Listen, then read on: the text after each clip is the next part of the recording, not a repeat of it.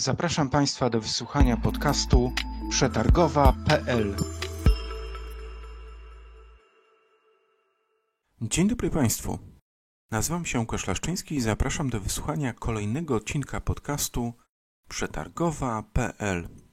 Dziś Państwa i moim gościem będzie pani Anna Brodziak-Cisak, sekretarz gminy Wołów, doświadczony samorządowiec, menadżer i coach. Z Państwa i moim gościem porozmawiam na temat coachingu w administracji publicznej i o tym, jak zarządzanie przez pryzmat ludzi wyzwala potencjał i jest w stanie odmienić samorządową rzeczywistość. Zapraszam wszystkich Państwa do wysłuchania zapisu tej rozmowy.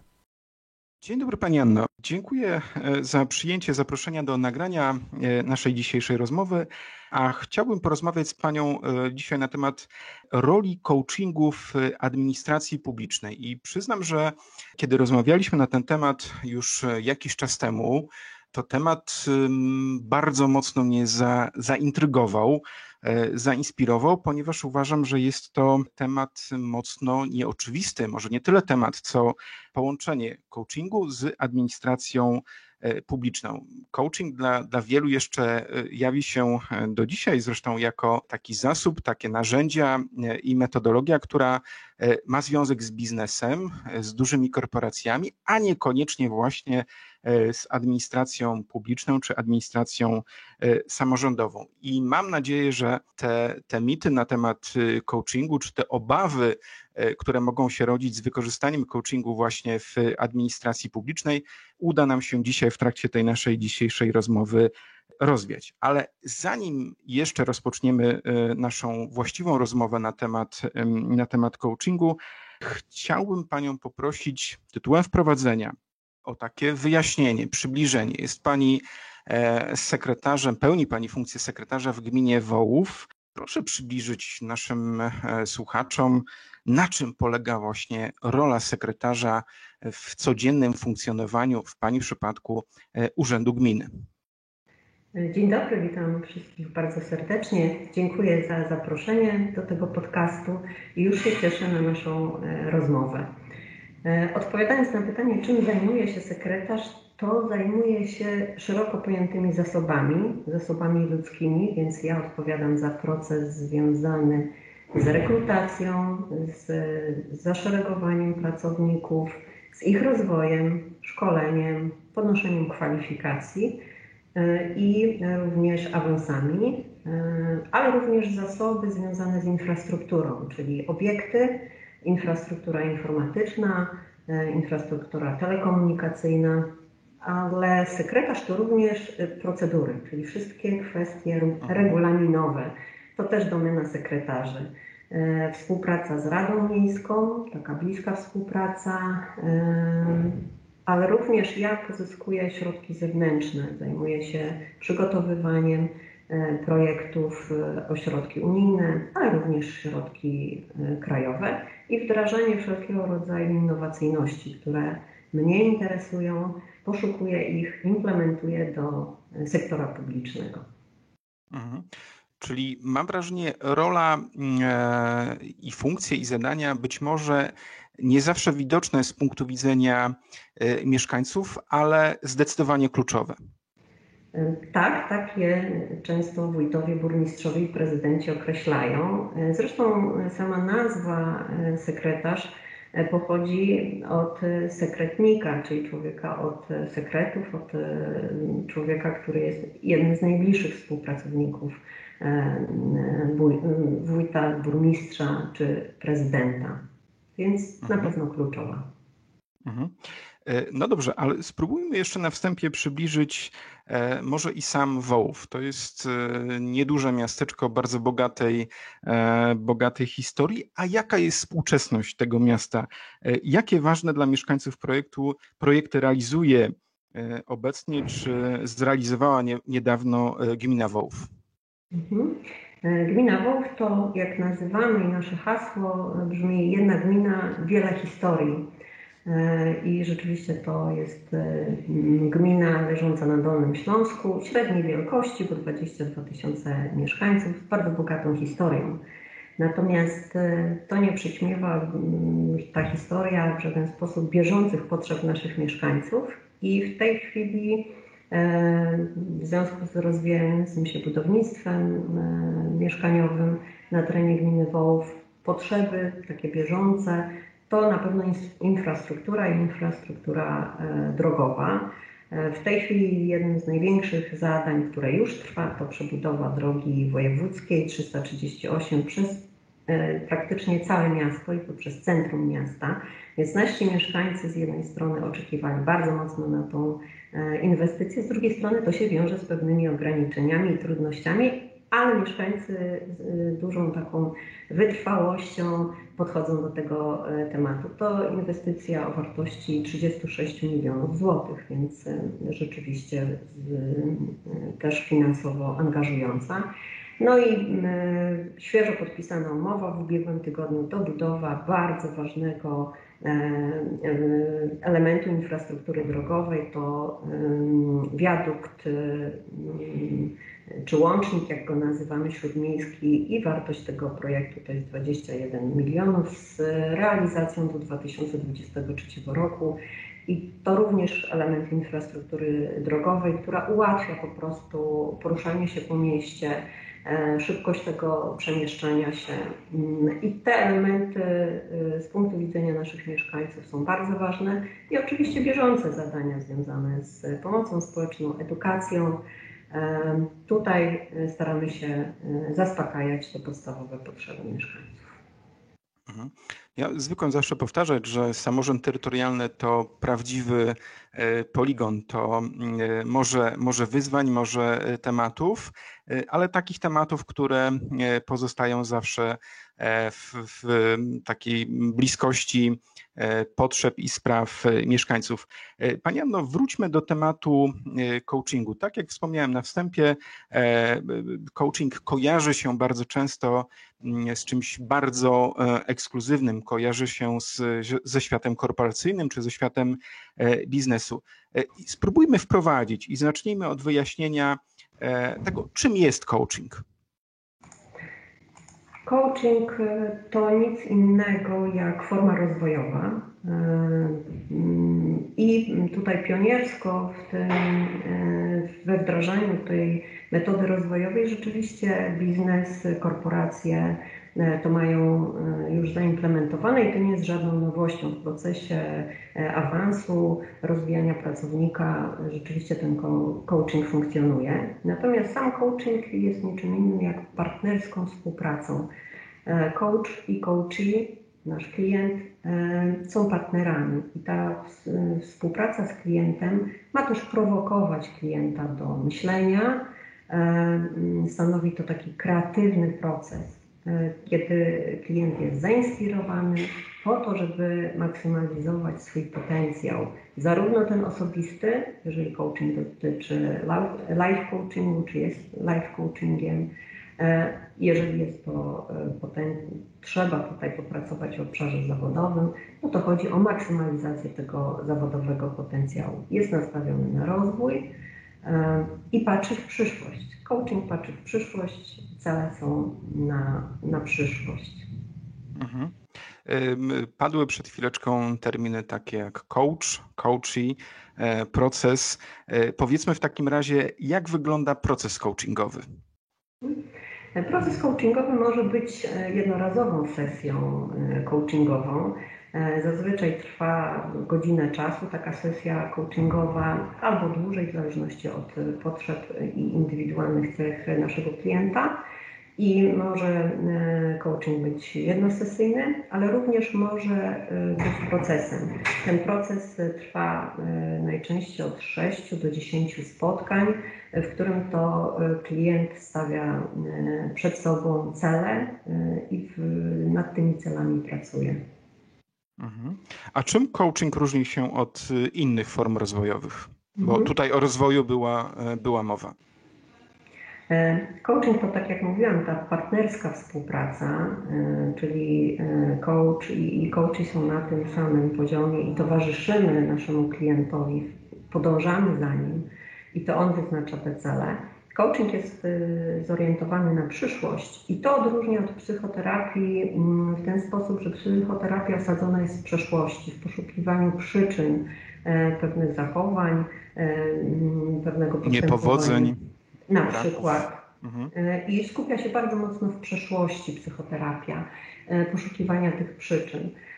No oczywiście kwalifikacje psychoterapeuty, one są zupełnie inne od kwalifikacji coacha. I to jest taka zasadnicza różnica, jeśli chodzi o psychoterapię. Mentoring, która też, który też jest formą rozwojową.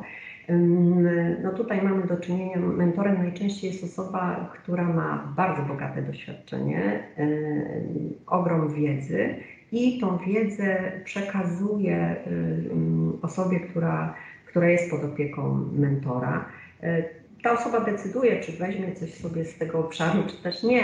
Natomiast e, e, mentor mm, no, jednostronnie tą wiedzę e, przekazuje, dzieli się zarówno wiedzą, jak i doświadczeniem. Więc tutaj trzeba mieć określony staż pracy, ale też bogatą wiedzę, żeby rzeczywiście mm, pracować jako mentor.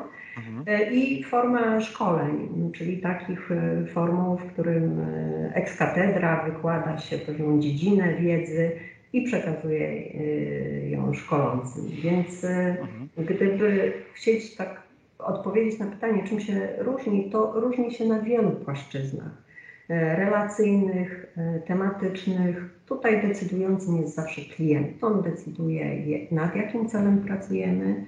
Mm, ma być korzystny, ma być ekologiczny dla, dla, dla klienta i ma być określony na przyszłość.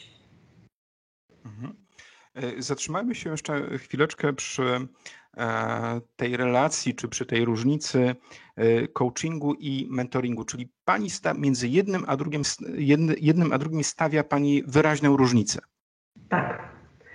Tak, jest to różnica. Zresztą mój proces rozwoju osobistego E, teraz jestem coachem, certyfikowanym coachem, ale wcześniej zdarzały się sytuacje, w których ludzie przychodzili po poradę, po rozwiązanie pewnej sytuacji i e, mówili o tym, że chcą skorzystać z mojego doświadczenia, z mojej e, wiedzy. I pracując wspólnie, raczej to była ta praca mentoringowa. W tej chwili e, pracuję metodą e, coachingową i jest to zupełnie inna praca. Doświadczam różnic też tego w, przez pryzmat e, moich doświadczeń i tego, co wcześniej robiłam. Mhm.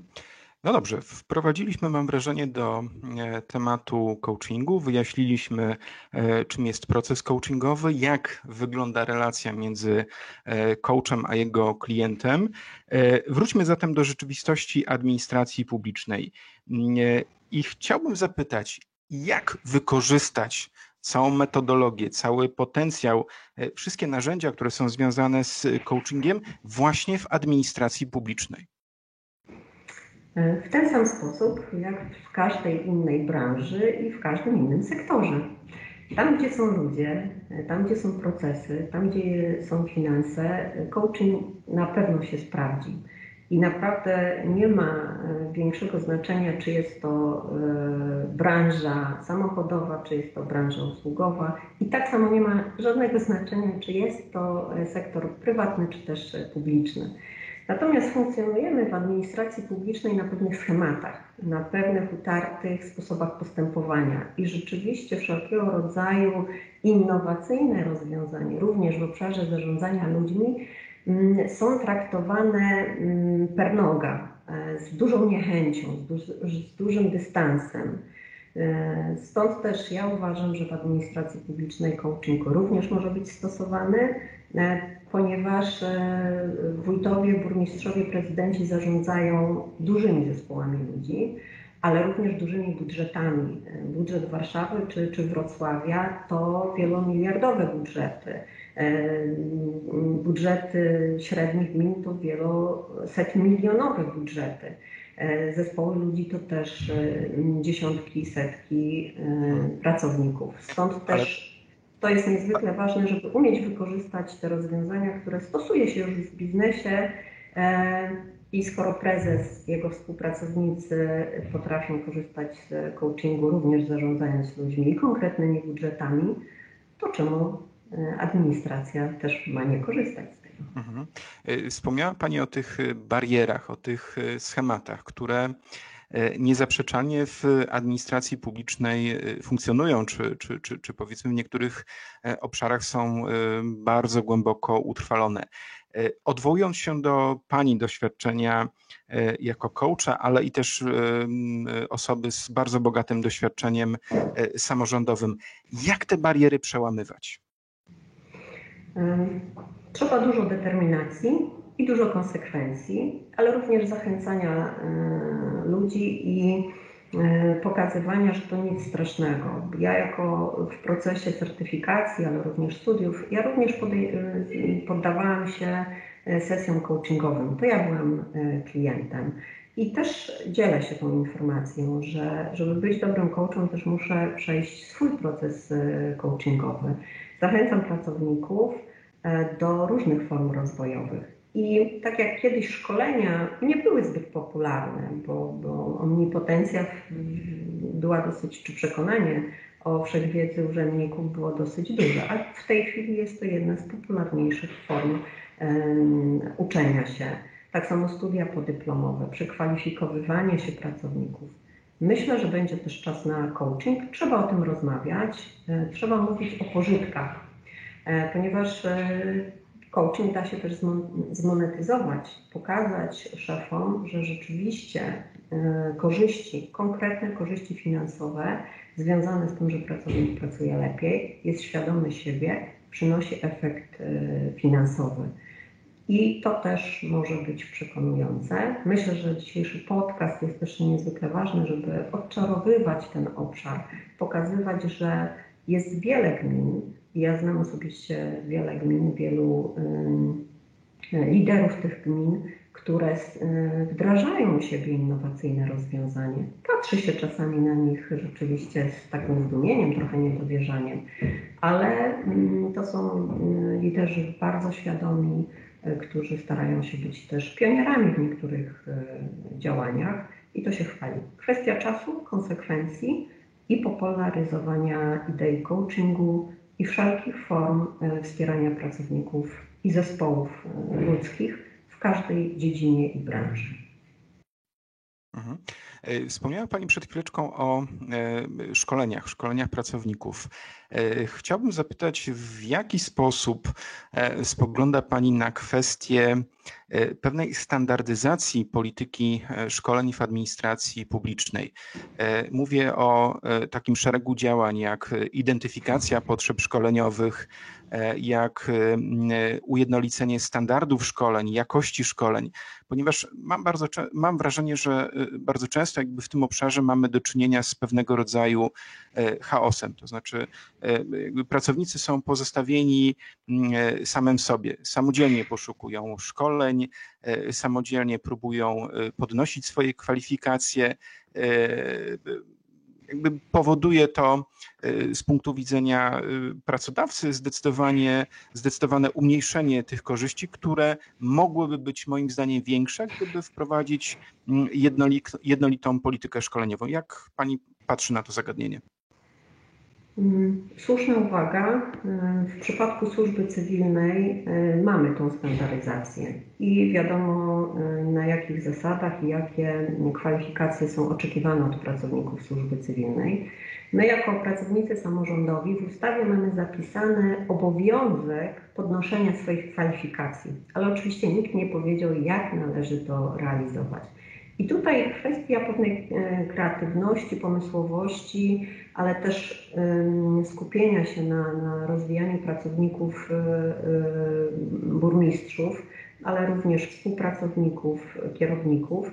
Bo jeżeli taka idea przyświeca wszystkim w danej gminie, w sensie burmistrza i, i, i kadry zarządzającej, to te kwalifikacje będą podnoszone. Ale zdarzają się też takie gminy, w których to nie jest priorytetem. Jest to element wtórny. I jeżeli się w tej chwili nie, nie, nie rozwijamy, nie podnosimy kwalifikacji, to przy tym pędzącym świecie, po, przy tych zmianach zarówno e, prawnych, jak i zmianach cywilizacyjnych, które nas dotykają, no to jako urzędnicy może się okazać, że nasi klienci e, są dużo dalej niż my sami. Natomiast to też nie będzie stanowiło impulsu do wdrażania nowoczesnych czy też innowacyjnych e, rozwiązań. Mogę mówić o swoich doświadczeniach i dużym, dużej otwartości ze strony burmistrza gminy Wołów i zrozumieniu mm, mm, wagi e, rozwoju pracowników przez, przeze mnie i wspólnie działając e, stale podnosimy te kwalifikacje. Również sami się szkoląc i sami pod, podnosząc swoje kwalifikacje. E, pracownicy to widzą i też rozumieją, że jest to potrzeba e, czasów. Trzeba to czasami stymulować, trzeba pracowników zachęcać, ale również pozyskiwać środki finansowe. My mm, staramy się pozyskać, e, pozyskiwać ze środków zewnętrznych, czy to unijnych, czy też krajowych, środki na podnoszenie kwalifikacji. A jeżeli nie ma takich możliwości, jako gmina w części finansujemy takie studia dla pracowników. I pracownicy wiedzą, że jeżeli mają taką potrzebę, albo nowy obszar jest do, do objęcia, to przygotowujemy takiego pracownika i również partycypujemy w kosztach tego kształcenia. Mhm. E, mam wrażenie, że bardzo często w tej polityce szkoleniowej, e, która, która ma miejsce w administracji publicznej, bardzo wysoki, no, słusznie poniekąd akcent kładzie się na podnoszenie aktualizacji, aktualizację tej wiedzy merytorycznej. To widać bardzo wyraźnie w obszarze zamówień publicznych. E, tutaj e, ta strona formalno-prawna zmienia się e, bardzo często i pracownicy szkolą się z, ze znajomości ustawy, z tych praktycznych walorów stosowania ustawy prawo zamówień publicznych. Natomiast gdzieś tam z boku pozostają kompetencje miękkie, jak chociażby komunikacja, negocjacje czy nie widzi Pani tego, e, tego problemu mm, szerzej, że, że, że w pierwszej kolejności e, administracja, e, jeśli chodzi o podnoszenie swoich kompetencji, kładzie nacisk, tak jak powiedziałem wcześniej, na kwestie merytoryczne, pozostawiając te elementy komunikacyjne chociażby gdzieś tam zdecydowanie na drugim miejscu? Ja bym tu wydzieliła dwa obszary. E, to, że pracownik e, startujący w konkursie, bo taką formułę e, naborów mamy, musi spełniać określone kwalifikacje. Czyli ustawodawca narzuca nam niejako w konkursie na określone stanowisko, jakie ma mieć wykształcenie, jakie ma mieć doświadczenie. I to jest jeden obszar, który musimy spełnić, żeby zatrudniać na stanowisko urzędnicze ale nie może to w procesie naboru y, zasłaniać nam kompetencji. Ja na przykład rozmowy y, kwalifikacyjne przeprowadzam na tyle długo, żeby również y, ten poziom stresu kandydata spadł i żeby można było zobaczyć w rozmowie kwalifikacyjnej, na czym on się skupia, jakie są jego mocne strony, w jakich warunkach pracuje, czego doświadczył, Proponuję, żeby mi kandydat opowiedział, jak radził sobie w trudnych sytuacjach, co dla niego jest ważne. I to pokazuje te e, kompetencje, sposób postępowania, który jest równie ważny jak wiedza. E, ja mogę mieć pracownika, tak, i, i, zawsze o tym mówię szefowi, mogę mieć pracownika, który nie ma tych, e, tego wykształcenia kierunkowego, takiego mm, pasującego jak ulał, ale jeżeli ma mm, kompetencje, ma podejście mm, do tematu, jest odpowiedzialny, ma zdolności e, na przykład analityczne, to on ma dużo większą wartość z punktu widzenia późniejszej, długotrwałej pracy, e, bo sobie uzupełni. Studia podyplomowe czy też szkolenie e, spowoduje, że on tej wiedzy e, nabędzie. Ale co z tego, jak ma tą wiedzę wyuczoną, dyplomową, jak on nie mhm. umie szukać? Jak on nie potrafi wyszukiwać, sprawnie posługiwać się przepisami, które zmieniają się, tak jak mhm. Pan zauważył, niezwykle szybko. Mhm. Zdolność adaptacji, elastyczność jest niezwykle ważną e, cechą. E, w przypadku zamówień publicznych dodałabym jeszcze e, spokój, oprócz tych, które Pan wymienił, mhm. taki spokój wewnętrzny i zdolności analityczne, które w zawiłych procedurach są niezwykle ważne. Dociekliwość w przypadku pracowników, więc ważniejsze jest, kogo chcemy i jakie ma mhm. realizować zadania, niż jakie ma wykształcenie bo to się da uzupełnić. Mhm. Czyli tutaj myślę, że możemy zaryzykować e, takie stwierdzenie, że e, te kompetencje społeczne, czy może nawet szerzej pewnego rodzaju inteligencja emocjonalna, e, którą, którą należałoby wykorzystywać w miejscu, w miejscu pracy, w każdym miejscu pracy, jest zdecydowanie trudniejsza do uzupełnienia niż wszystkie kompetencje merytoryczne razem wzięte. Dokładnie tak. Mhm. E, wracając jeszcze do e, tematu e, coachingu, mówi Pani o sobie i tutaj pozwolę sobie zacytować Pani opis z Pani profilu z, na jednym z mediów społecznościowych. Pisze Pani o tym, że Pani talenty kierują Panią do projektów o społecznej głębi i przejrzystości. Jest Pani zaangażowana w rozwój ludzi i jak sama pani wskazuje, e, myśli pani na zimno o rzeczach, które budzą, e, budzą emocje. E, I chciałbym zapytać, czy te cechy, ten, ten opis pani można uznać za taki podstawowy warsztat coacha w administracji? Mhm. Mogę odpowiedzieć, że i tak, i nie, e, ponieważ ten opis e, e, mojego sposobu postępowania tak jest jak oparty... zwykli mówić prawnicy bardzo często. tak. Nie do końca, ale jest w tym jest odrobina prawdy. Ten opis jest, wynika z moich talentów, talentów Galupa, czyli badania związanego z powtarzalnym sposobem działania, myślenia i odczuwania, który może być produktywnie wykorzystany. Ja na swojej ścieżce rozwoju parę lat temu takie badanie przeszłam. Jest to badanie, które określa naszych 34 talentów E, natomiast ten opis jest podyktowany moim top 5, czyli pięcioma talentami i to są talent e, bliskość, stąd też e, moje nawiązywanie relacji, które są głębokie i długie, długotrwałe. To nie są takie powierzchowne relacje. Kolejny talent to talent rozwijania innych. Więc ja widzę w każdym potencjał.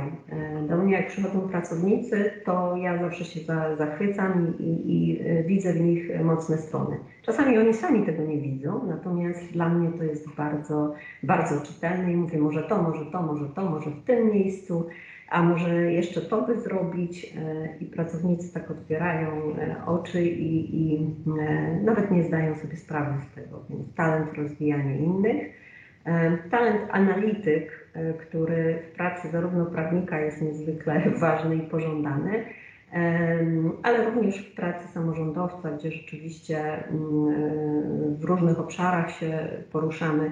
Dla mnie zestawienia, tabelki, analiza długich dokumentów, czy też opasłych dokumentów nie stanowi żadnego problemu. Dobrze się czuję w tabelkach, w wykresach i potrafię je odczytywać i dane sytuacje potrafię e, bardzo spokojnie, bez e, jakiejś paniki czy, czy emocjonalności przeanalizować, co jest takim też e, ważnym elementem i, i myślę, że sprzyjającą cechą. E, odpowiedzialność to z kolei cecha, e, e, cecha czy też talent, który powoduje, że można na mnie polegać i zarówno szefowie, jak i współpracownicy wiedzą, że jeżeli zajmuję się projektem, zajmę, zajmę się nim od początku do końca. Nie pozostawię zespołu, nie pozostawię zadania, tylko rzeczywiście to moja odpowiedzialność cały czas na mnie wywiera presję musisz to zrobić do, do, końca, to doprowadzić, nie można tego tematu porzucić. E, I pryncypialność, czyli wartości, e, skupienie na wartościach dla mnie jest też ważne e, i tymi wartościami kieruję się zarówno w życiu prywatnym, jak i zawodowym. Natomiast czy w roli coacha na pewno ta bliskość, gdzie umiem zbudować klimat y, z klientem, wzbudzić zaufanie, dać przestrzeń klientowi do bezpiecznej pracy i to jest taki talent, który wykorzystuję również w pracy coacha i rozwijanie innych.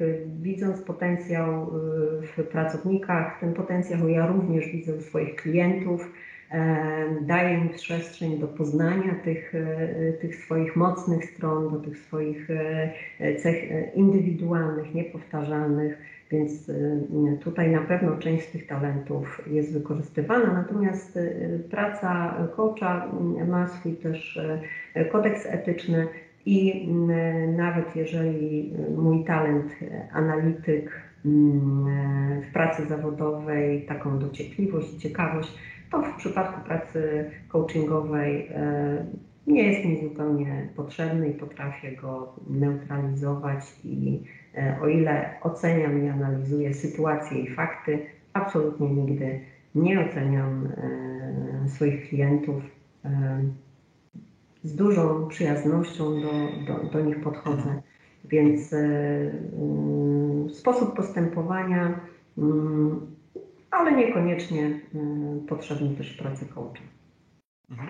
Czy padły, padły bardzo ważne, bardzo ważne słowa, a wśród nich na koniec takie, które na które ja szczególnie zwróciłem uwagę, czyli to budowanie e, poczucia bezpieczeństwa w miejscu pracy, takiego bardzo, e, bardzo pozytywnie i prorozwojowo mm, rozumianego. Czuję się dobrze, e, chcę się rozwijać, mm, chcę być w tym miejscu pracy, w którym, w którym jestem. Pani Anno, interesuje mnie jeszcze jedna kwestia, która jest e, związana z coachingiem e, i jego wykorzystaniem w administracji publicznej e, i postanowiłem to pytanie zachować na sam koniec naszej rozmowy. Będę troszeczkę takim adwokatem diabła, ponieważ pomimo bardzo wielu przykładów rozwoju, innowacyjności, E, w, życiu i w działalności samorządów. E, to jest, tak jak powiedziałem e, na wstępie, chwilami dosyć trudna rzeczywistość. Samorządy, chociażby i z uwagi na pandemię COVID-19, borykały się z wieloma problemami.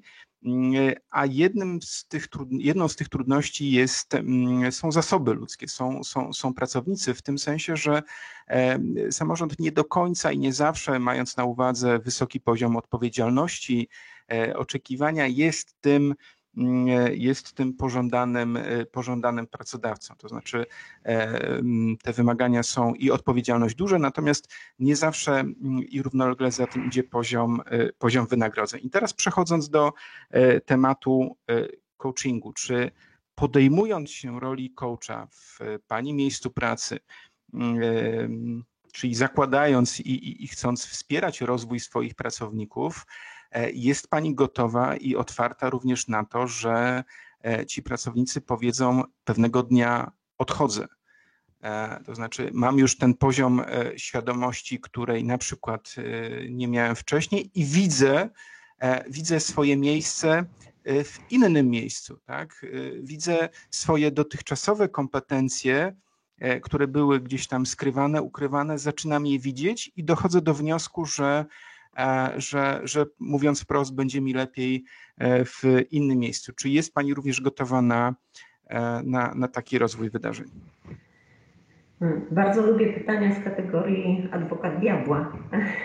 Jestem gotowa na tą odpowiedź. Pracownik, jeżeli mierzy się z jakimś celem. Trudne pytania budują rozwój. Tak ale y, prowokują też do myślenia. Y, natomiast jestem w stanie sobie wyobrazić taką sytuację, że pracownik y, w procesie coachingowym dochodzi do decyzji zmieniam pracę, bez względu na to, czy, czy to będzie własna działalność, czy, czy inny urząd, czy też inny sektor. Natomiast mm, doświadczenie pokazuje, że ten pracownik i tak zmieniłby pracę. Coaching absolutnie w tym zakresie nic nie zmienia. Natomiast e, e, szkoda, czy też e, dla pracownika, jak i dla firmy, z tego tytułu, że on zdemotywowany, niezadowolony, w pewien sposób też sfrustrowany, miałby pracować, może przynieść szkodę jemu, ale również firmie, więc to mogłoby ustrzec jego samego, jak i firmę przed ewentualnymi konsekwencjami tej decyzji ale też e, mm, coaching, czy taki proces coachingowy e, mógłby pomóc mu w zrozumieniu swojego miejsca, w zrozumieniu swoich potrzeb, w zrozumieniu swoich wartości, ponieważ mm, Nie wszyscy w swojej pracy zawodowej patrzą tylko na aspekt finansowy i wynagrodzenia. E, niektórzy patrzą mm, na pracę w administracji publicznej ze względu bezpieczeństwa, że jest to stabilne zatrudnienie. Ja często na rozmowach o tym słyszę i to jesteśmy w stanie zagwarantować, że to jest stabilny pracodawca. Z drugiej strony może być to e, argument związany z pracą blisko miejsca zamieszkania, czyli wyeliminowanie dojazdów i to też e, części pracownikom jesteśmy w stanie zagwarantować. Niektórzy y, cenią sobie bardzo mocno atmosferę i my tą atmosferę poszanowania, atmosferę rozwoju też swoim pracownikom gwarantujemy. Jeżeli ktoś ma takie potrzeby, wrodzone potrzeby, to będzie się decydował na pracę w administracji, e, nawet rezygnując e, z mm, kwestii finansowych. Natomiast też bym ich nie przeceniała. E, to rzeczywiście bardzo mocno się zmienia. Rozwiązania krajowe też muszą się pochylić nad tym, jak tutaj w jaki sposób ograniczyć odpływ specjalistów z sektora publicznego, bo sektor publiczny bez specjalistów, bez wiedzy eksperckiej, E, będzie e, słabym obszarem. Natomiast od urodzenia do samej śmierci e, mieszkańcy naszej gminy po prostu mają z nami kontakt.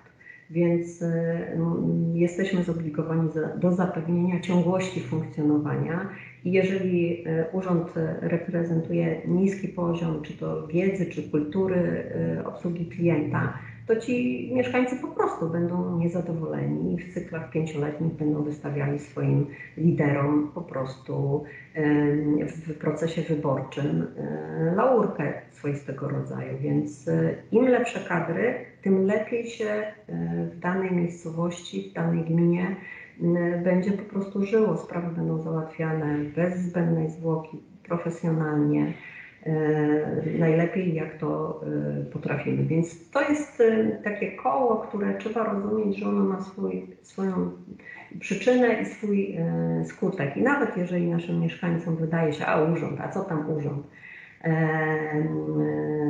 Urząd to tam niewiele znaczy. Natomiast jakość życia naszych mieszkańców to efekt pracy samego urzędu, ale również jednostek organizacyjnych. Jeżeli to sprawnie działa, to rzeczywiście przekłada się na jakość życia mieszkańców, mimo tego, że na co dzień e, gdzieś o tym nie pamiętają, e, ale dla nas satysfakcja e, z, z pracy mm, w postaci tego, że widzimy, że, że to jest wartość dodana, że jest nowa usługa, nowa droga, E, że, że, że nasi klienci doceniają, jeżeli to już istnieje, nie widząc nawet e, wysiłku, który do tego celu doprowadzi. Mhm.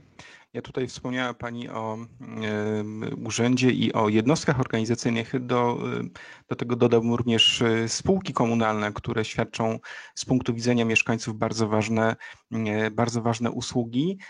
I zwróciła Pani uwagę na bardzo, bardzo ważną kwestię, E, czyli y, samorząd terytorialny, administracja publiczna jest właśnie tak, jak pani powiedziała, e, wpisany w naszą e, codzienną rzeczywistość. Czasami oczywiście w sposób bardzo głęboko nieuświadomiony.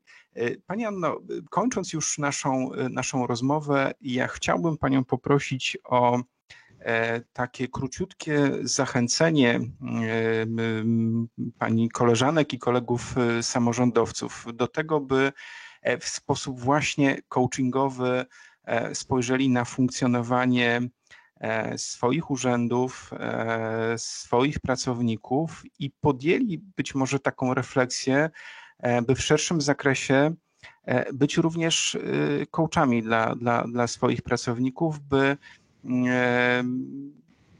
może po prostu y, częściej, częściej z nimi rozmawiać i, i widzieć ich, tak jak Pani wspomniała w trakcie naszej rozmowy, e, ich talenty. Mhm. E, pewnie nie każdy samorządowiec, nie każdy sekretarz będzie dobrym coachem, więc e, trudno tutaj rzeczywiście nakazywać komuś albo oczekiwać, że każdy sekretarz będzie coachem. Tutaj mm, indywidualne cechy na to wskazują. Natomiast Nic nie stoi na przeszkodzie, żeby z coachingu korzystać jako z formy zewnętrznej, formy usługowej. A zachęcam dlaczego? Dlatego, że tam, gdzie są ludzie, tam, gdzie są procesy, pojawiają się wyzwania związane z u części pracowników z rozwojem, gdzie pójść dalej, jak dalej siebie e, realizować i czy w ogóle pracować w administracji publicznej. I tutaj coaching może e, sobie poradzić e, doskonale. Również Mm, świetnym rozwiązaniem coaching jest dla samych liderów, dla osób zarządzających, ponieważ porządkuje pewne rzeczy y, w natłoku spraw, bardzo trudnych decyzji, które na co dzień są podejmowane. Coaching często y, pokazuje samemu klientowi, w którym kierunku mam iść, co do mnie pasuje, co jest mi tożsame, nie narzucone w, w pewien sposób. Więc klaruję też wizję, strategię postępowania. Więc jeżeli zaczniemy w administracji publicznej od mm, pracy coachingowej z liderami, E, na pewno poznając dobrodziejstwo tego, tej formy rozwojowej, e, będą zachęcali swoich współpracowników do tego i pracowników do tego, żeby w sytuacji wyzwania, które stoi przed pracownikiem, żeby również procesowi coachingowemu się e, poddać. Jak mówimy w procesie coachingowej, nie, nie oczekuj niczego, spodziewaj się wszystkiego. E, więc e, tutaj rzeczywiście praca nad przyszłością może przynieść tylko e, korzyści. I ta korzyść w postaci mm, pożytków dla, dla, dla lidera, dla kadry zarządzającej na pewno również przełoży się na korzyści dla pracowników. Mhm. Pani Anno, bardzo dziękuję za dzisiejszą rozmowę, za przyjęcie zaproszenia mm, do nagrania e, dzisiejszego podcastu.